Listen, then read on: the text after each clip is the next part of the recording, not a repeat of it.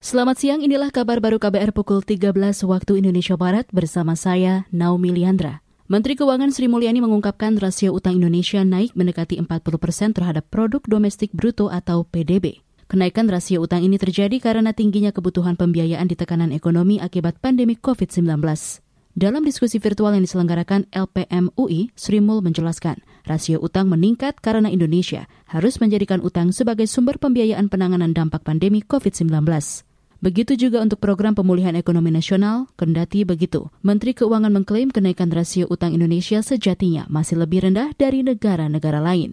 Wakil Presiden Republik Indonesia Maruf Amin meresmikan Sentra Kreasi Asistensi Rehabilitasi Sosial atau Atensi Kementerian Sosial. Sentra Kreasi Atensi merupakan pusat pengembangan kewirausahaan dan vokasional serta media promosi. Produk ini merupakan hasil karya bekas gelandangan, pengemis, pemulung, anak terlantar, korban PHK. Itu saya mengapresiasi inisiatif Kementerian Sosial yang mengembangkan sentra kreasi atensi bagi ekspemulung dan tunawisma melalui kegiatan pemberdayaan kuliner, pertanian, hidroponik, peternakan ayam petelur, kerajinan tangan, dan daur ulang sampah non-organik menjadi barang bermanfaat bagi masyarakat, serta pemberdayaan jasa layanan refleksi, salon kecantikan dan konveksi.